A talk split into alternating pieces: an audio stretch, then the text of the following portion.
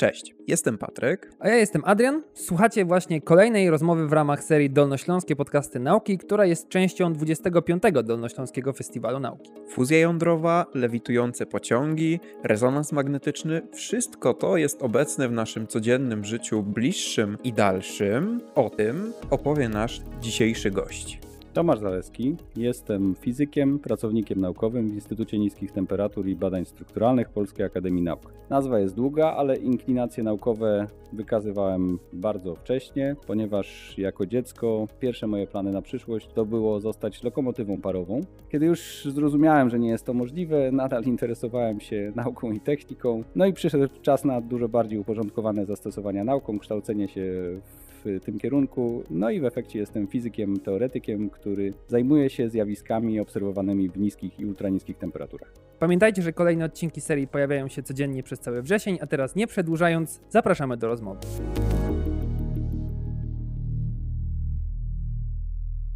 I właśnie nawiązując też przy okazji do tych niskich temperatur, niskich, czyli jak niskich? I tak naprawdę po co się tam schodzi do tego świata niskich temperatur, tak naprawdę? Okej, okay. niskie temperatury no to nie jest minus 10, prawda? Stopni czy minus 20. Generalnie cała zabawa w fizyce polega na tym, żeby zrozumieć, jak działa świat, który nas otacza. I ten świat jest zlepkiem tysięcy różnych rzeczy, które się razem składają i tak w zasadzie zaburzają nam próby jakiegokolwiek zrozumienia czegokolwiek. I to, co porządkuje nasz świat, to jest zimno. Im zimniej, tym lepiej.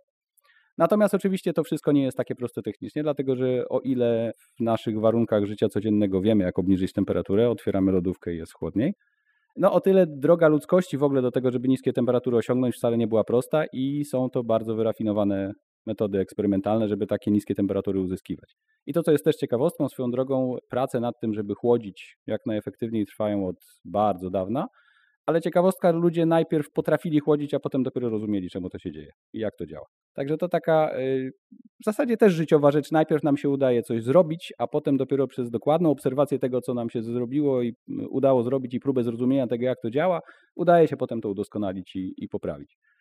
Więc y, to, co w nauce jest niskimi temperaturami i to, co w instytucie jest niskimi temperaturami, to są generalnie temperatury rzędu pojedynczych stopni Kelwina. Skala Kelwina skala temperatury taka, która jest zbliżona do skali Celsjusza, w której mierzymy temperaturę, to znaczy wielkość stopnia jest dokładnie taka sama, natomiast jest przesunięcie o 273 stopnie z ułamkiem.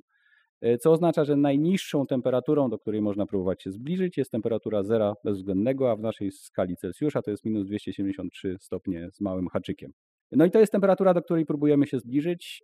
Oczywiście nie zawsze mamy potrzebę, żeby robić to bardzo skutecznie, dlatego że wysiłek związany z obniżaniem temperatury się zwiększa o każde podzielenie temperatury na 10, które próbujemy zrobić. Czyli wysiłek zmniejszenia temperatury ze 100 stopni Kelwina do 10 jest mniej więcej taki sam jak z 10 do 1, potem z 1 do 1 dziesiątej i tak dalej. Możemy się zbliżać do tego zera, nigdy do niego nie dotrzemy. E, natomiast instytut, w instytucie e, większość prac niskotemperaturowych jest prowadzona w e, temperaturach kilku stopni Kelwina. To wynika z tego, że takim narzędziem, którego się używa do chłodzenia, do uzyskiwania niskich temperatur, są skroplone gazy. I dwa podstawowe gazy, których się używa, to jest azot, który jest głównym składnikiem powietrza, którego jest większość w powietrzu. On po skropleniu ma temperaturę około minus 200 stopni Celsjusza, I drugim gazem, który jest ważniejszy z naszego punktu widzenia, to jest hel, który po skropleniu ma temperaturę 4,2 stopnia Kelwina, czyli jest już bardzo, bardzo zimny. No i mając, dysponując takim schłodzonym, e, nie tyle schłodzonym, co skroplonym gazem, możemy zanurzać w nim różne obiekty, przez to obniżać ich temperaturę do bardzo niskiej, no i badać, jak się zmieniają własności, własności w takich warunkach. To, co jest podstawowym e, doświadczeniem, które na Festiwalu Nauki od zawsze pokazujemy, to jak mówimy o poważnych zastosowaniach naukowych na przykład ciekłego azotu, to natychmiast wsadzamy banana, dokładnie próbujemy bananem y, zamrożonym wbijać gumowe gwoździe w deskę, co się banan nie rozpadnie, albo próbujemy zamrażać biedne, czy listki biednej roślinki, która dyżurna rośnie koło naszej sali audytoryjnej i kruszymy jak ostatnia scena w Terminatorze i tak dalej. No i to są oczywiście takie niepoważne badania, natomiast pokazują, że własności ciał się zmieniają bardzo silnie ze zmianą temperatury. Natomiast to, co nas w fizyce interesuje, to nas interesują takie już bardziej subtelne własności, to znaczy po pierwsze na przykład własności bardzo e, słabe, własności magnetyczne, czy, czy własności takie, gdzie generalnie pojawiają się jakieś zupełnie nowe, nieoczekiwane zjawiska w niskich temperaturach, o których w ogóle nie mogliśmy śnić w temperaturach wysokich. I to jest coś, co budzi największe zainteresowanie zawsze. Ja mam takie pytanie, bo to jest trudne oczywiście do wytłumaczenia gdzieś, tak mi się wydaje. Gdzieś miałem też trochę z tym styczności, więc mniej więcej też rozumiem ten koncept. Ale jak się uzyskuje takie niskie temperatury? No bo to nie jest tak, że włożymy, weźmiemy gaz, otoczymy lodem i nagle zrobimy minus 200 stopni. Jeżeli mielibyśmy minus... taki lód, to jak najbardziej, natomiast nie ma. Y, To w sumie jest dosyć prosta metoda, którą wydaje mi się da się zrozumieć używając takich domowych analogii. Parę jest takich prostych doświadczeń, z którymi większość z nas się zapewne gdzieś tam spotkała i, i jak zaraz je przywołam, to przypuszczam, że, że uda się odblokować te kroki, które są niezbędne do tego, żeby uzyskać niską temperaturę. Wiele osób używało zapewne kiedyś tak zwanego powietrza prężonego w puszkach, które się naciska i to wylatuje do czyszczenia klawiatur, jest jakichś różnych elementów. To po pierwsze ważna informacja jest taka, że to w żadnym wypadku nie jest powietrze, a to jest gaz, który jest toksyczny, trzeba bardzo uważać na używanie go w zamkniętych pomieszczeniach. Natomiast to, co można zauważyć, że w momencie, kiedy się przyciśnie taką puchę i to powietrze, czy tam ten gaz wylatuje, to końcówka zaczyna się szronić. Dlatego, że podstawową metodą obniżenia temperatury jest na przykład temperatury gazu, jest ściśnięcie go powolne, tak zwane adiabatyczne, czyli takie, gdzie on powoli, zachowując tą samą temperaturę, ma coraz wyższe ciśnienie, a potem gwałtowne rozprężenie. I ten proces obniża temperaturę. I to jest w zasadzie jedyny proces, którego się używa. Problem jest taki, że to, że końcówka takiej puszki, która powietrze sprężone w cudzysłowie y, wypuszcza, nam się poszroniła, dalej nie daje nam żadnego rezerwuaru niskiej temperatury, ponieważ to coś się zrobiło zimne i po chwili się ogrzało od otoczenia. W związku z tym musimy mieć jeszcze jeden mechanizm, który pozwala na to, żeby utrzymać temperaturę na odpowiednio niskim poziomie. I tym mechanizmem jest znowu coś, co mamy w warunkach y, domowych znamy, tylko z tego nie zdajemy sprawy. Pomyślelibyśmy, jak gotujemy wodę. To nalewamy wodę w temperaturze pokojowej, czy zimną wodę z kranu do garnka, stawiamy garnek na kuchence, włączamy gaz i zaczynamy grzać. Temperatura w związku z tym, że garnek jest podgrzewany rośnie i rośnie aż do momentu, kiedy woda zaczyna wrzeć. Woda wrze, mimo że jest cały czas ciągle podgrzewana, to jej temperatura przestaje rosnąć. Ona ma ciągle 100 stopni Celsjusza. Dopóki cała nie zamieni się w gaz, czyli w parę wodną, to nie da się jej podgrzać do wyższej temperatury. Czyli to jest mechanizm, który pozwala, żeby zablokować temperaturę obiektu w jakiejś charakterystycznej temperaturze. Akurat tu mówimy o temperaturze wrzenia. I nie pozwolić na to, żeby ten obiekt miał wyższą temperaturę, dopóki cały nie zmieni stanu skupienia. No i to się wykorzystuje przy użyciu nie wody, a innych substancji, które w naszych warunkach pokojowych są gazami, ale mają swoje charakterystyczne temperatury wrzenia dużo niższe.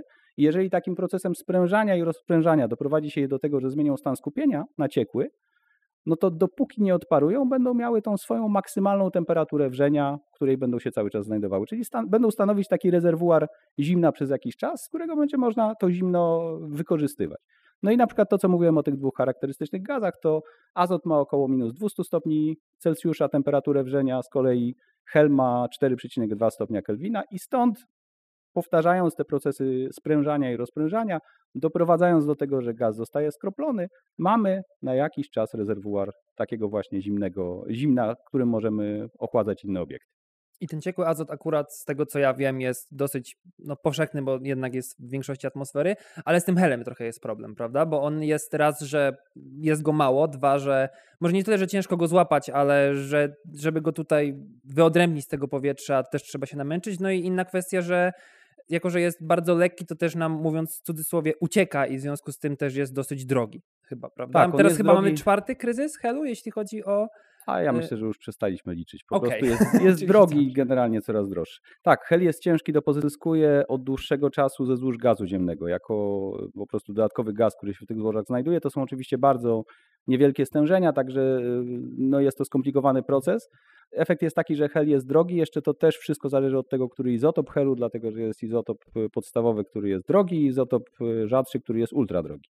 Także taka jest różnica między nimi. Oczywiście z punktu widzenia naukowego oba są wa- bardzo ważne, a ten droższy jest jeszcze lepszy. Także to, to wiadomo, tak świat jest skonstruowany. Oczywiście, tak, musi, być tak musi być. E, Także hel jest rzeczywiście drogi, e, w związku z tym trzeba bardzo, bardzo o niego dbać. No, coraz rzadziej napełniamy baloniki helem po to, żeby latały, ponieważ to fajna zabawa, ale niestety pro, prowadzi do tego, cierpi. że tak, nauka zdecydowanie cierpi, ale hel się marnuje. Także w momencie, kiedy chce się używać helu na dużą skalę, no to trzeba go, go oszczędzać choćby w taki sposób, że odzyskiwać hel, który odparował, e, czyli zamienił się z cieczy z powrotem w gaz, odzyskiwać go, ponownie skraplać po to, żeby jak najwięcej tego czynnika chłodniczego mieć i, i móc go jak najdłużej używać.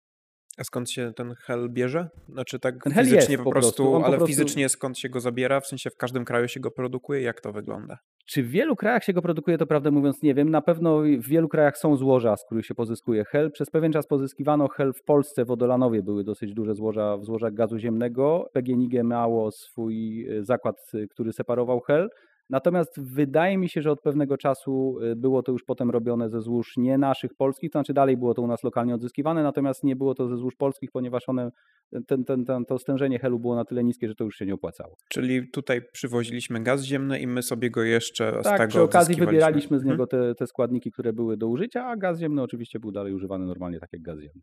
Także hel jest pierwiastkiem strategicznym. Amerykanie mają bardzo duże rezerwy tego helu, który trzymają. No on jest do wielu zastosowań niezbędny, szczególnie tam, gdzie są niskie temperatury potrzebne. No to jest to coś, co jest absolutnie strategiczne. Także w różnych kosmicznych zastosowaniach no, jest tego potrzeba bardzo dużo. I właśnie gdzieś robiąc takie sprytne przejście, co takiego się dzieje w tych niskich temperaturach i co takiego może się w materiałach stać z tymi niskimi temperaturami i co się dzieje? Bo jest dużo różnych efektów, które właśnie ujawniają się w tych najniższych temperaturach, czyli właśnie poniżej tych minus 200 stopni. W niskich temperaturach przede wszystkim, e, mówiąc fizycznie, zmniejsza się energia kinetyczna, a mówiąc potocznie, zmniejsza się ruchliwość wszystkiego, co chłodzimy. To znaczy, wszystkie obiekty zaczynają być mniej ruchliwe, stają się dużo bardziej powolne.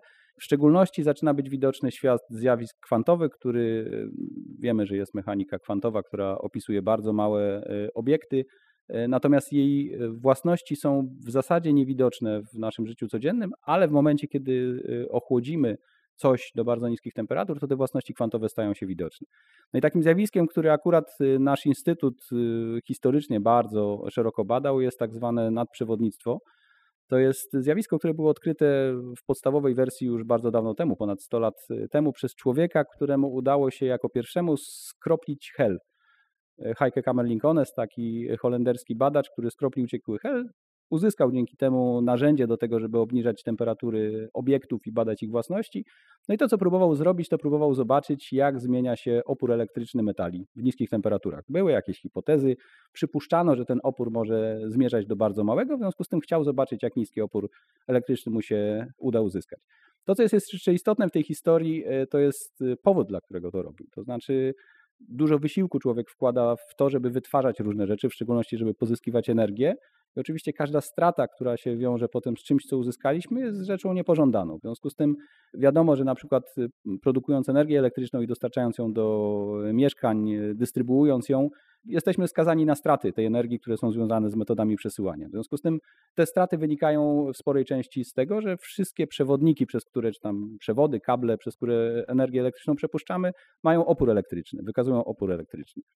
I w związku z tym pozyskanie obiektów, które mają ten opór mniejszy, było oczywiście zawsze czymś, co oddziaływało na wyobraźnię, no bo byłoby jakimś tam rozwiązaniem, które mogłoby y, człowieka wspomóc.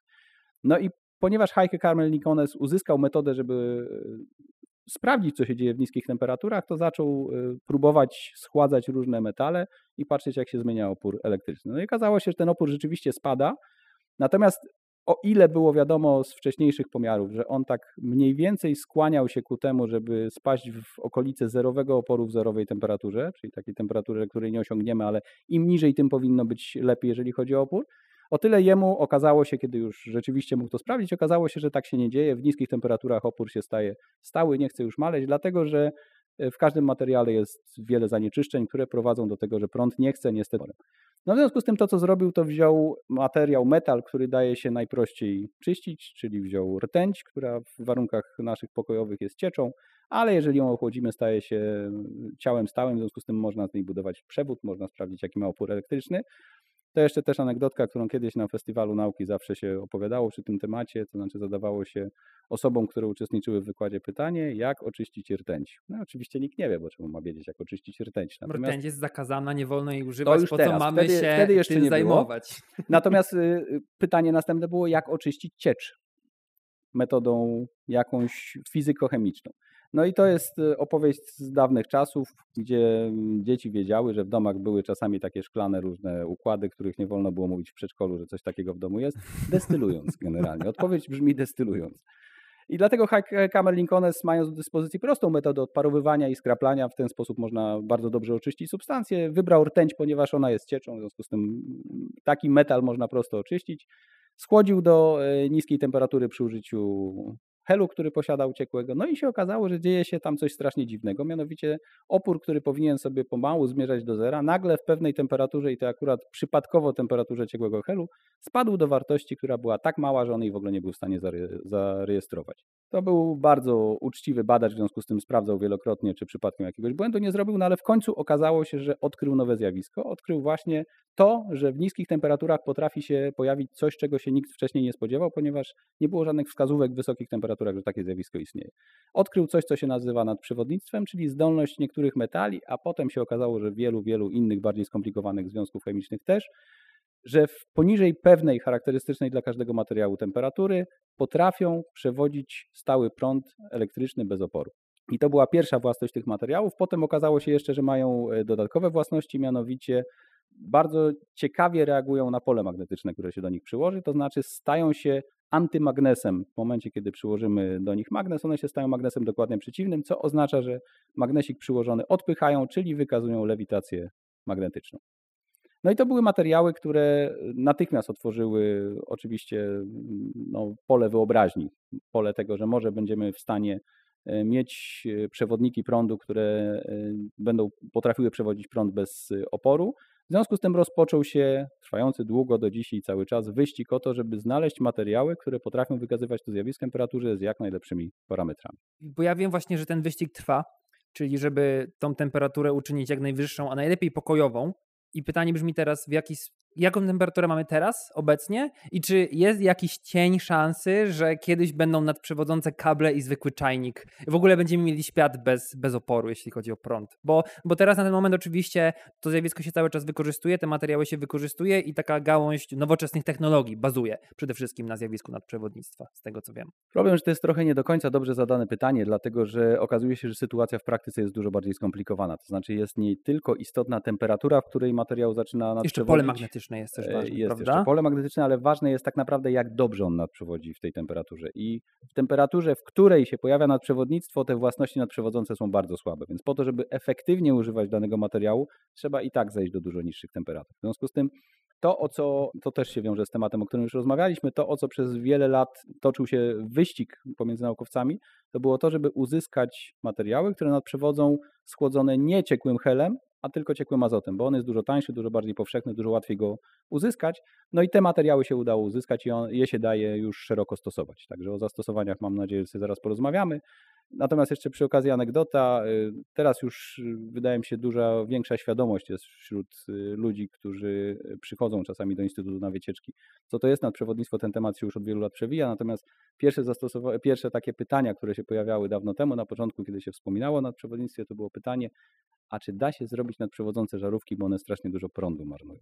No i to było tyle śmieszne, że niestety klasyczna żarówka, nie te, które mamy teraz, ale klasyczna żarówka działa właśnie dlatego, że jest opór elektryczny i bez oporu elektrycznego ona nie będzie działać, dlatego że tam przez przepływ prądu powoduje się, że żarówka, żarnik się grzeje i to grzanie prowadzi do świecenia. W związku z tym nie ma żarówki nadprzewodzącej, niestety.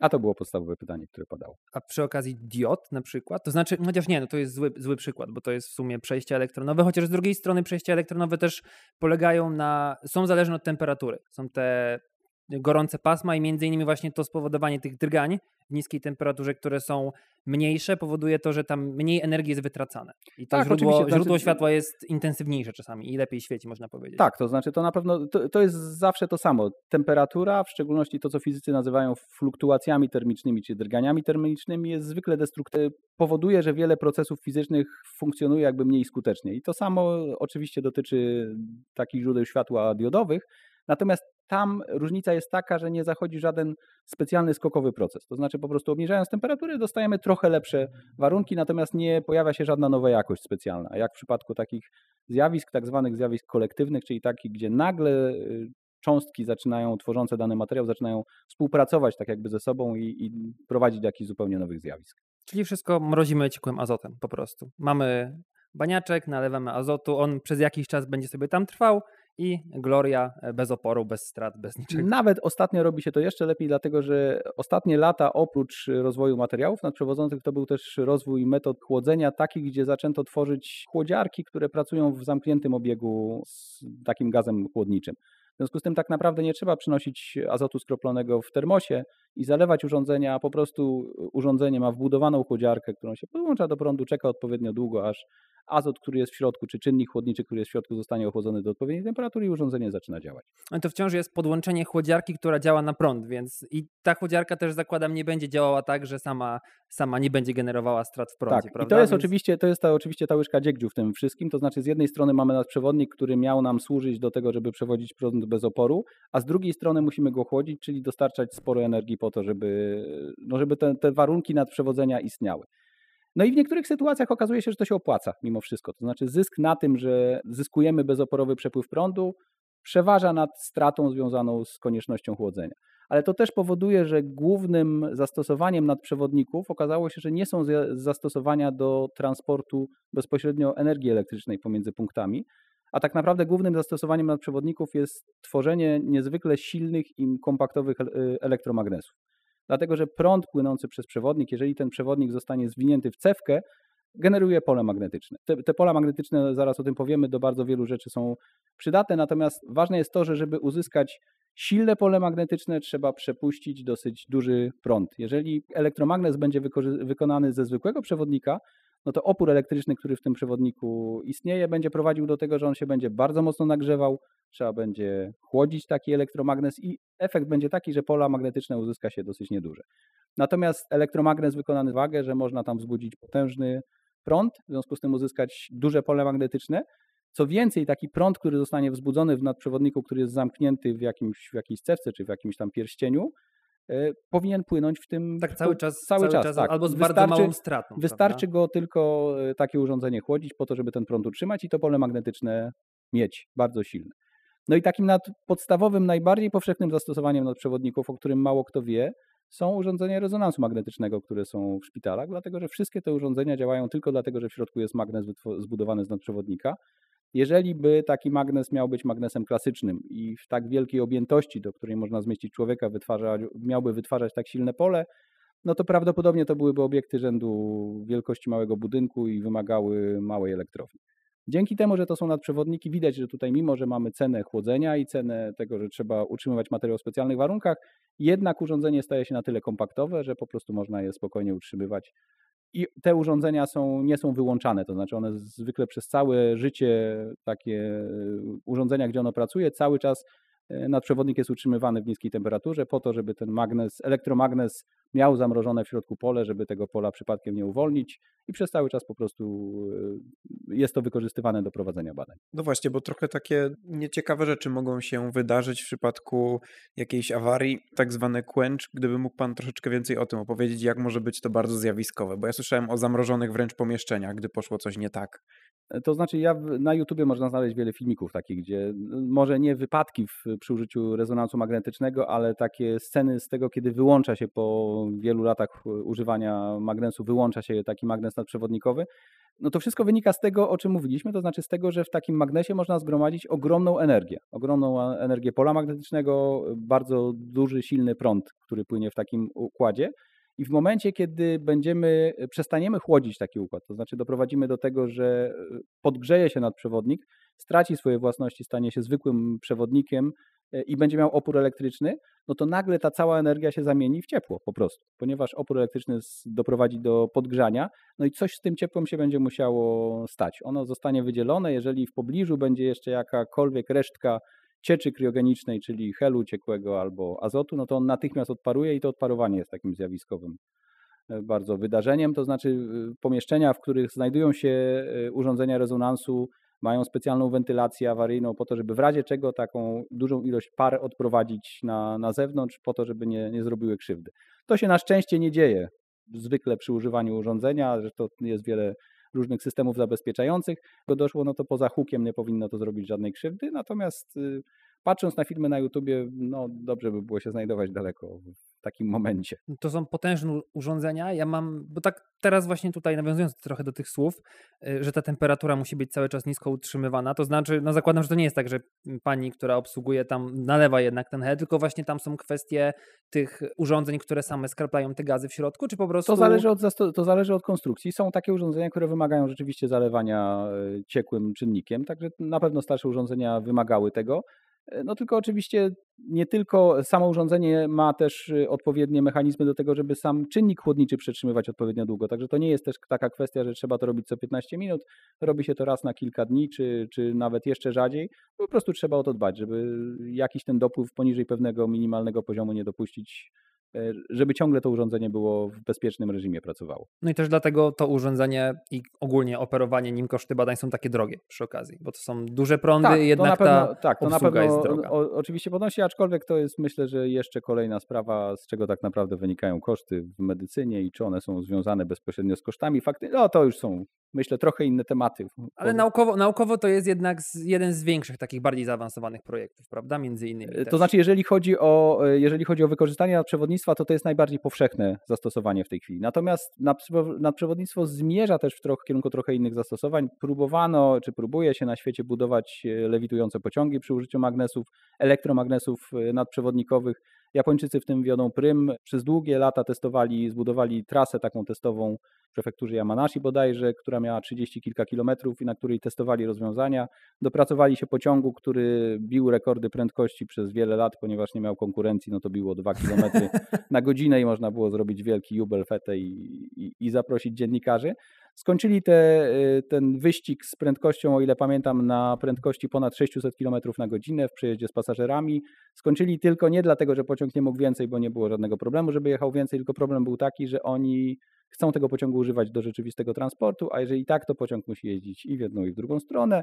To oznacza, że różne pociągi się muszą mijać, no i nie mogą się mijać za szybko, bo będzie problem y, fal dźwiękowych, które się ze sobą zderzają i, i, różne efekty powodują. Także y, generalnie dopracowali się rozwiązania, w którym pociągi będą w stanie z pasażerami 500 na godzinę podróżować. Budują już trasę pomiędzy Tokio a Osaką, co jest najbardziej w Japonii. Czas podróży między miastami ma się o połowę skrócić, z 4,5 do 2 z 2 godzin z hakiem. To jest projekt, który jest gigantyczny, absolutnie. On 25 lat ma być realizowany, no ale o ile pamiętam, w tej chwili rzędu 30 roku ma być gotowy i ten pociąg ma zacząć komercyjnie funkcjonować, co będzie takim drugim bardzo spektakularnym zastosowaniem nadprzewodnictwa. Natomiast wydaje mi się, że z punktu widzenia może nie Kowalskiego, ale ludzkości, bardzo ważnym zastosowaniem nadprzewodnictwa ma szansę być jeszcze co innego, mianowicie ludzkość próbuje znaleźć, wiadomo teraz, że mamy kryzys klimatyczny, który trochę przez wydarzenia e, polityczno-wojenne został przykryty, co prawdopodobnie doprowadzi do tego, że on jeszcze z większą siłą wybuchnie, jak się wszyscy zorientują, że, że, że trochę o nim zapomnieliśmy. Cały czas próbujemy znaleźć źródła energii, które będą wydajniejsze, bardziej ekologiczne. I metodą, którą pokłada się największą nadzieję i największe inwestycje chyba na świecie się w tym kierunku poczyni od wielu lat, to jest fuzja. Fuzja, e, która ma, e, będzie wymagała tego, żeby niezwykle gorącą plazmę utrzymywać w pewnej przestrzeni w reaktorze. Ponieważ plazma jest naładowana elektrycznie, to musi być utrzymywana przy użyciu pola magnetycznego i do tego próbuje się wykorzystywać materiały nadprzewodzące, ponieważ nie ma żadnego innego rozwiązania znowu, które byłoby w stanie odpowiednie pola wytworzyć. Chyba najbardziej zaawansowani, może nie zaawansowani, a zaawansowana w tym jest Unia Europejska, która prowadzi od wielu lat program, który się Euratom nazywa. W ramach tego programu budowany jest we Francji w Kadarasz y, gigantyczny reaktor, taka jeszcze nie elektrownia, dlatego że ten reaktor, o ile pamiętam, nie ma dawać zysku netto energetycznego. Ale On ma... ma póki co wytworzyć ten współczynnik Q równy 10. Tak jest, czyli dokładnie. żebyśmy się nauczyli więcej energii zyskiwać niż wkładać. Dokładnie tak. I tam będą wykorzystywane materiały nadprzewodzące do tego, żeby tą plazmę utrzymywać. No i to, to ma szansę ruszyć e, w ciągu najbliższych lat. No i to będzie, myślę, najbardziej istotne zastosowanie przewodnictwa dla ludzkości, jeżeli okaże się, że to jest no, technicznie możliwe, żeby rzeczywiście pozyskiwać energię ekonomicznie z takiej, taką metodą, no, to to będzie prawdopodobnie przyszłość nasza. Ja wiem, że ITER jest duży tak skalą, bo to jest jeden z naprawdę, to są kwestie budyn, takiego bloku mieszkalnego, tak nawet jak nie, jak nie więcej w sumie. E, i jest to też dosyć mocno krytykowana e, przy okazji inwestycja, bo jest to chyba drugi projekt po Międzynarodowej Stacji Kosmicznej, bo ja, ja tak trochę gdzieś tam staram się siedzieć w tym temacie, oczywiście fizyką wymiękam niestety, ale jest jeszcze sporo innych podejść, które budują mniejsze reaktory, ale właśnie używają tych wysokotemperaturowych, nad, nadprzewodzących magnesów, gdzie potrafią uzyskać takie większe pola. I czasem zastanawiam się, czy które podejście jest lepsze i czy czasami właśnie lepiej nie wziąć tych wszystkich pieniędzy, włożyć właśnie w ITER, czy, czy może lepiej takich pieniędzy z ITER-u włożyć w te jednostki komercyjne, które z drugiej strony chwalą się wynikami, bo ostatnio chyba brytyjski reaktor osiągnął rekord, taki jeśli chodzi o, o włożoną energię w stosunku do wyciągniętej, nie pamiętam teraz ile, ale no znowu to może być taka kwestia marketingowa, żeby po prostu zgarnąć trochę pieniędzy z inwestycji na takie badania. No więc odpowiadając przekornie, najlepszym rozwiązaniem jest to, które będzie działać najlepiej. Ale Natomiast... oczywiście, jak najbardziej, tylko problem jest taki, pierwszy? Problem jest taki, że tego nie wiemy. Pamiętam, że wiele lat temu był organizowany konkurs e, polsko-azjatycki, gdzie w hali stulecia e, przybyło wielu przedstawicieli firm z Azji, w szczególności z Korei.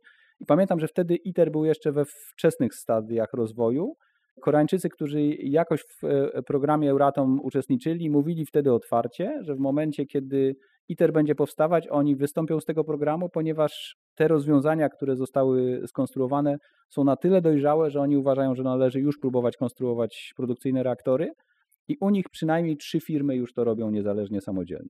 No więc ta metoda e, nienaukowa już prawdopodobnie, a przemysłowa tam wzięła górę. Myślę, że czas, który na to trzeba poświęcić jednak jest jeszcze taki, że jeszcze musimy kilka lat poczekać Te 30, na to, żeby... słynne. Tak, żeby, żeby to się zaczęło dziać, natomiast to prawdopodobnie się dzieje. To znaczy uznano, że poziom naukowy był już na tyle wysoki, że, że z punktu widzenia naukowego tam nie ma specjalnych problemów, natomiast są problemy technologiczne, którego, z którymi z kolei nauka sobie nie najlepiej radzi, dlatego że nauka jest od zjawisk i od pojedynczych sztuk, y, a, a, nawet nie od prototypów i nie od, produkcyjnych, od produkcyjnej skali. Także to prawdopodobnie do tego rzeczywiście trzeba będzie przemysł, który ma dużo więcej doświadczenia w skalowaniu, y, w tworzeniu rzeczywiście wielkich, bardzo y, rozległych obiektów, no i niewykluczone, że, że tę technologię będzie w stanie doprowadzić do tego, żeby to zaczęło działać. Okej, okay, bo ja się nie spotkałem akurat z tą opinią. Ja wiem, że był ITER, są te małe koncerny, które próbują robić te reaktory, które uzyskają to Q równe, czy tam ten współczynnik równy 10 przynajmniej i później dopiero będą znowu robione reaktory demonstracyjne i one jak się powiodą, to dopiero będą elektrownie. Nie wiedziałem, że gdzieś tam już ktoś próbuje, e, próbuje z tym przeskoczyć. To bardzo optymistyczne. W programie Euratom, o ile pamiętam, po ITERze miał być jeszcze reaktor demo. Tak, właśnie to demo miał a być. potem dopiero miał być reaktor produkcyjny. I to, co wtedy, to był 2012 rok, o ile pamiętam, to co wtedy ogłaszali Koreańczycy, że oni uważają, że to demo jest niepotrzebne, że już poziom wiedzy jest taki, że trzeba budować reaktory produkcyjne. I to w 2012 tak. roku, gdzie tak ITER sam dopiero tak, chyba tak. I udo udowodni wiele z tych test, które oni zakładali, że są już prawdziwe. No tak niestety postęp wyglądasz. Im bardziej e, w podstawach nauki jesteśmy, tym większe jest ryzyko tego, co próbujemy zrobić, tym więcej jest niewiadomych i większa szansa, że się po prostu pomylimy. Natomiast no, szczególnie w ważnych zagadnieniach, jeżeli są na to środki, no to wygląda, że po prostu trzeba z różnych stron atakować zagadnienie i, i, i, i próbować jak najszybciej dotrzeć do celu celu.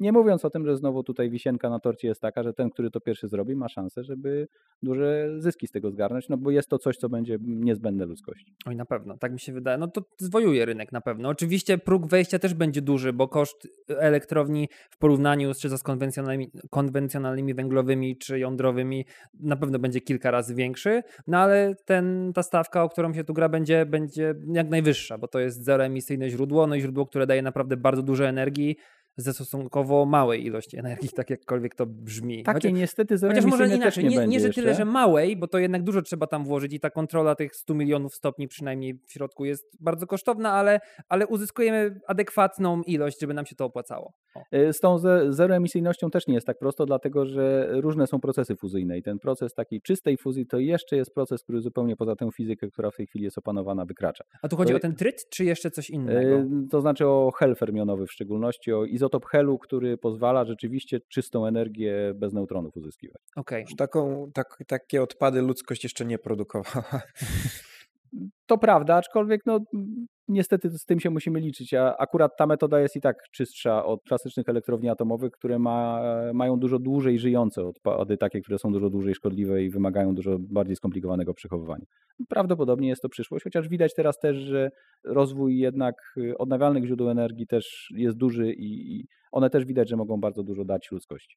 Czyli reasumując, mamy tak, energetykę, Mamy pociągi jako maszyny, które właśnie zyskują na tym, że nie istnieje tarcie, bo coś lewituje. Mm, mamy silne pole magnetyczne w zastosowaniach medycznych, w medycynie. Czy coś jeszcze? Czy gdzieś silne pole magnetyczne może się przydać albo już się przydaje? To znaczy, może powiem o jeszcze jednym zastosowaniu nadprzewodników, dlatego że e, nadprzewodniki mają oprócz tych dwóch własności głównych, które mówiliśmy, czyli zerowego oporu i tej lewitacji magnetycznej, czyli tak zwanego idealnego diamagnetyzmu, generalnie można z nich budować niezwykle czułe detektory pól magnetycznych. I to jest e, ważne w bardzo zaskakujących zastosowaniach. Na przykład pandemia nam trochę też szyki popsuła, ale jeszcze przed pandemią bardzo dynamicznie się lotnictwo rozwijało. I w lotnictwie widać było trend, aby uczynić samoloty lżejszymi, próbowano budować je nie z aluminium, które było głównym budulcem wcześniej, a z kompozytów, czyli generalnie z jakichś tam materiałów typu plastików. Problem z tymi materiałami jest taki, że dużo trudniej jest sprawdzać, co się z nimi dzieje, jak się starzeją. O ile do metali są proste metody, wiadomo, że tam niszczenie tych materiałów następuje dosyć liniowo, to znaczy przez dosyć długi czas pojawiają się jakieś y, drobne uszkodzenia materiału, które w miarę powoli rosną i używając prostych metod, jakichś e, ultrasonicznych, można na przykład monitorować materiały i patrzeć, jak się, jak się degradują. Natomiast w przypadku kompozytów ten postęp jest dużo szybszy, to znaczy dużo szybciej się rozwija. Przede wszystkim nie można tych samych metod do monitorowania używać. Dlatego na przykład to, co próbowano robić i wiem, że skutecznie używano, to dodawano do kompozytów jakieś substancje, które są bardzo słabymi magnesami, bardzo subtelnymi i potem przy użyciu takich urządzeń nadprzewodnikowych do detekcji bardzo słabych pól magnetycznych patrzono, zaglądano do wnętrza materiału, po prostu patrzono jak on degraduje. Także to jest takie zastosowanie, które jest bardzo specyficzne, natomiast ono było też bardzo ważne, ponieważ nie za bardzo znano inne metody, jak degradację takich materiałów rejestrować. No i to też było coś, co, co, co jest i będzie na pewno używane i, i będzie dosyć istotne. Choćby przez wzgląd na to, że przemysł lotniczy jest jednym z tych, który też ma dużo do wkładania politykę klimatyczną i, i redukcja masy jest związana z mniejszą ilością paliwa zużytego i mniejszą ilością Oczywiście, jeżeli tak popatrzymy na to, to się okaże, że nie tylko przemysł, energety- przemysł lotniczy ma ten sam problem, a w wielu miejscach, y, aspektach życia można dokładnie do tego samego wniosku dojść, gdzie materiały takie syntetyczne będą zastępować materiały klasyczne, w związku z tym prawdopodobnie tych źródeł zastosowań będzie dużo, dużo więcej. No ale nie każdy może jechać do tej Japonii, sobie skorzystać z tego lewitującego pociągu, albo iść na badanie rezonansu, bo raz, że jest drogie, dwa, długo się czeka, ale a można trzy, też... jak nie ma potrzeby, to po co? Znaczy no z kwestii prewencyjnych można iść, nie? Trzeba się badać z jednej strony gdzieś tam. No ja byłem najdroższe 15 minut mojego życia, natomiast... nie do końca przyjemne, nawiasem mówiąc. Y, jest bardzo głośne. No jestem, no naprawdę jestem, jestem zaszokowany. Nie miałem żadnych oczekiwań, trochę nie wiedziałem czego się spodziewać, a i tak się zaskoczyłem, jeśli chodzi o to badanie, zdecydowanie. To, to może z kwestii takich właśnie przeżyć y, polecam. Natomiast bardzo częstą praktyką, wiem, w instytucie na pokazach były właśnie lewitujące pociągi, to znaczy była zrobiona taka mała, taka mała lokomotywa właśnie z nadprzewodnikiem. Ona była zalewana ciekłym azotem, ciekłym azotem tak. i można było takim specjalnym torze. Na torze magnetycznym ustawiało się to i ten pociąg lewitował, można było podłożyć coś pod niego, bo zobaczyć, że on rzeczywiście lewituje, a nie niewidzialne rączki go utrzymują nad torem taki bardzo, jeden z wielu pokazów y, nis, zastosowań niskich temperatur, które robiliśmy, który się zawsze bardzo dużym, dużą popularnością cieszył. Tak, i w tym roku też widziałem, że oferta oferuje między innymi wykłady, ale są też między innymi filmy na YouTubie, prawda? Tak, dużo będzie filmów na YouTubie, one będą oczywiście też wzbogacone o pokazy, no bo sam wykład jest może mniej ciekawszy, szczególnie, że gronem y, głównym odbiorców festiwalu są jednak dzieci i to młodsze dzieci, do nich zawsze najlepiej przemawiał obraz i dużo bardziej przemawiał niż starsze osoby doświadczone naukowo, które im to opowiadały. Dlatego oczywiście cały czas staramy się, żeby było to jak najciekawsze, jak najbardziej widowiskowe, choćby właśnie zaczynając od tych chłodzonych bananów, roślinek, pokazów tego, jak się zmienia opór elektryczny w prostych doświadczeniach, gdzie budujemy sobie układ elektryczny z żaróweczką, wstawiamy go do ciepłego azotu i patrzymy, jak się świecenie żaróweczki zmienia. A, a propos tego, co przemawia, co nie przemawia, to takie pytanie, które zawsze sobie zadajemy na koniec jest, co do Pana przemówiło, że akurat tym zajmuje się Pan teraz, co, czym się Pan zajmuje? Czy było jakieś wydarzenie, coś przełomowego, czy tak po prostu naturalnie jakoś najpierw studia, później o, ciekawy temat w podręczniku czy na wykładzie. Jak to, jak to wyglądało z Pana Było trochę naturalnie, było trochę ironii. E, naturalne było to, że obydwoje moi rodzice są fizykami, w związku z tym e, byłem, że tak powiem, pod ciężkim, ciężkim wpływem. Tak, tak. No to ciężko się było wyzwolić, chociaż akurat mój e, tato jest pracownikiem naukowym, który też jest profesorem w naszym instytucie. Mama akurat była dydaktykiem, także od zupełnie innej strony się zajmowała. Także dla mnie fizyka była naturalna. Ja lubiłem zawsze bardzo przedmioty ścisłe, fizykę, matematykę. Tak moja edukacja zresztą wyglądała.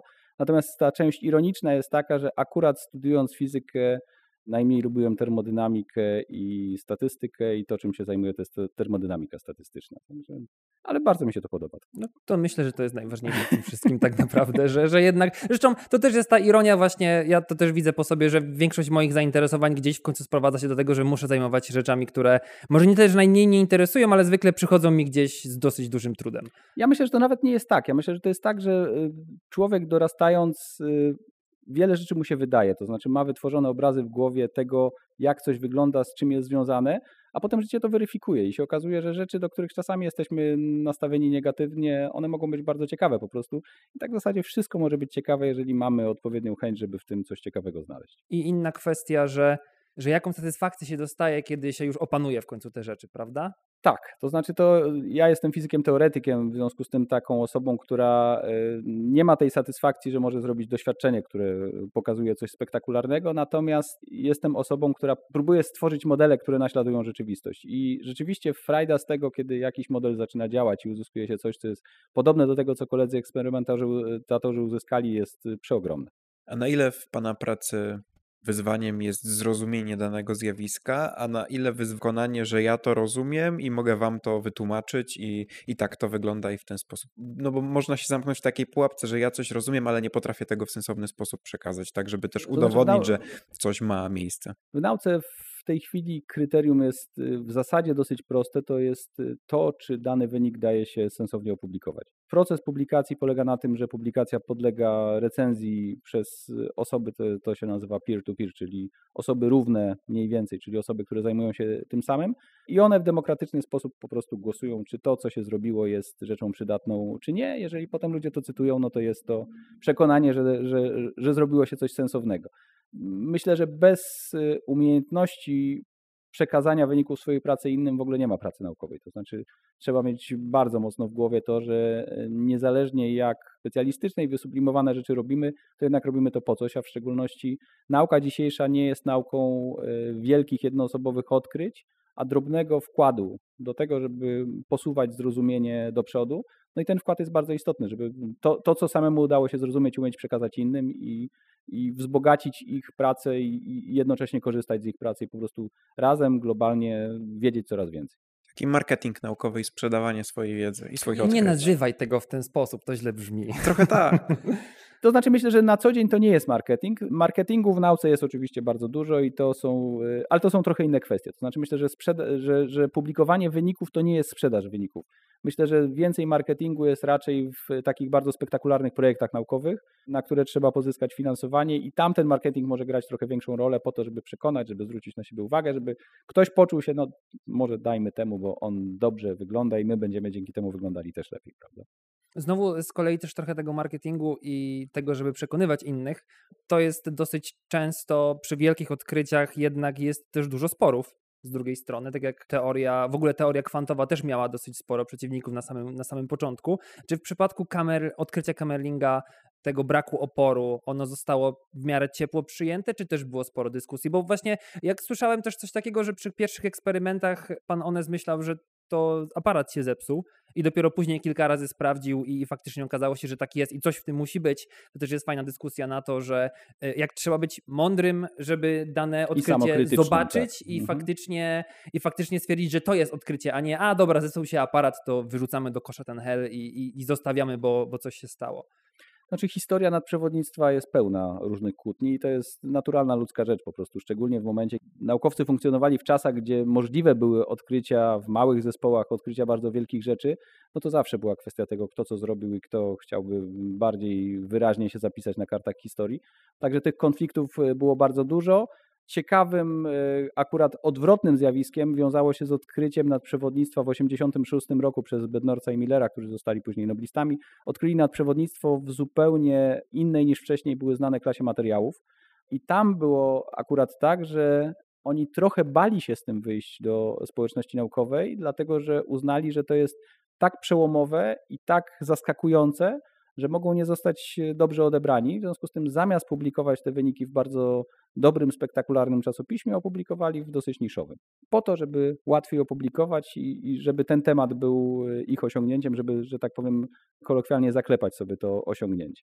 Także w tę stronę też były takie wydarzenia. Z kolei mieli konkurenta po stronie amerykańskiej, który też próbował swój wkład pokazać, odkrył jeden z nadprzewodników, który jest najczęściej stosowany.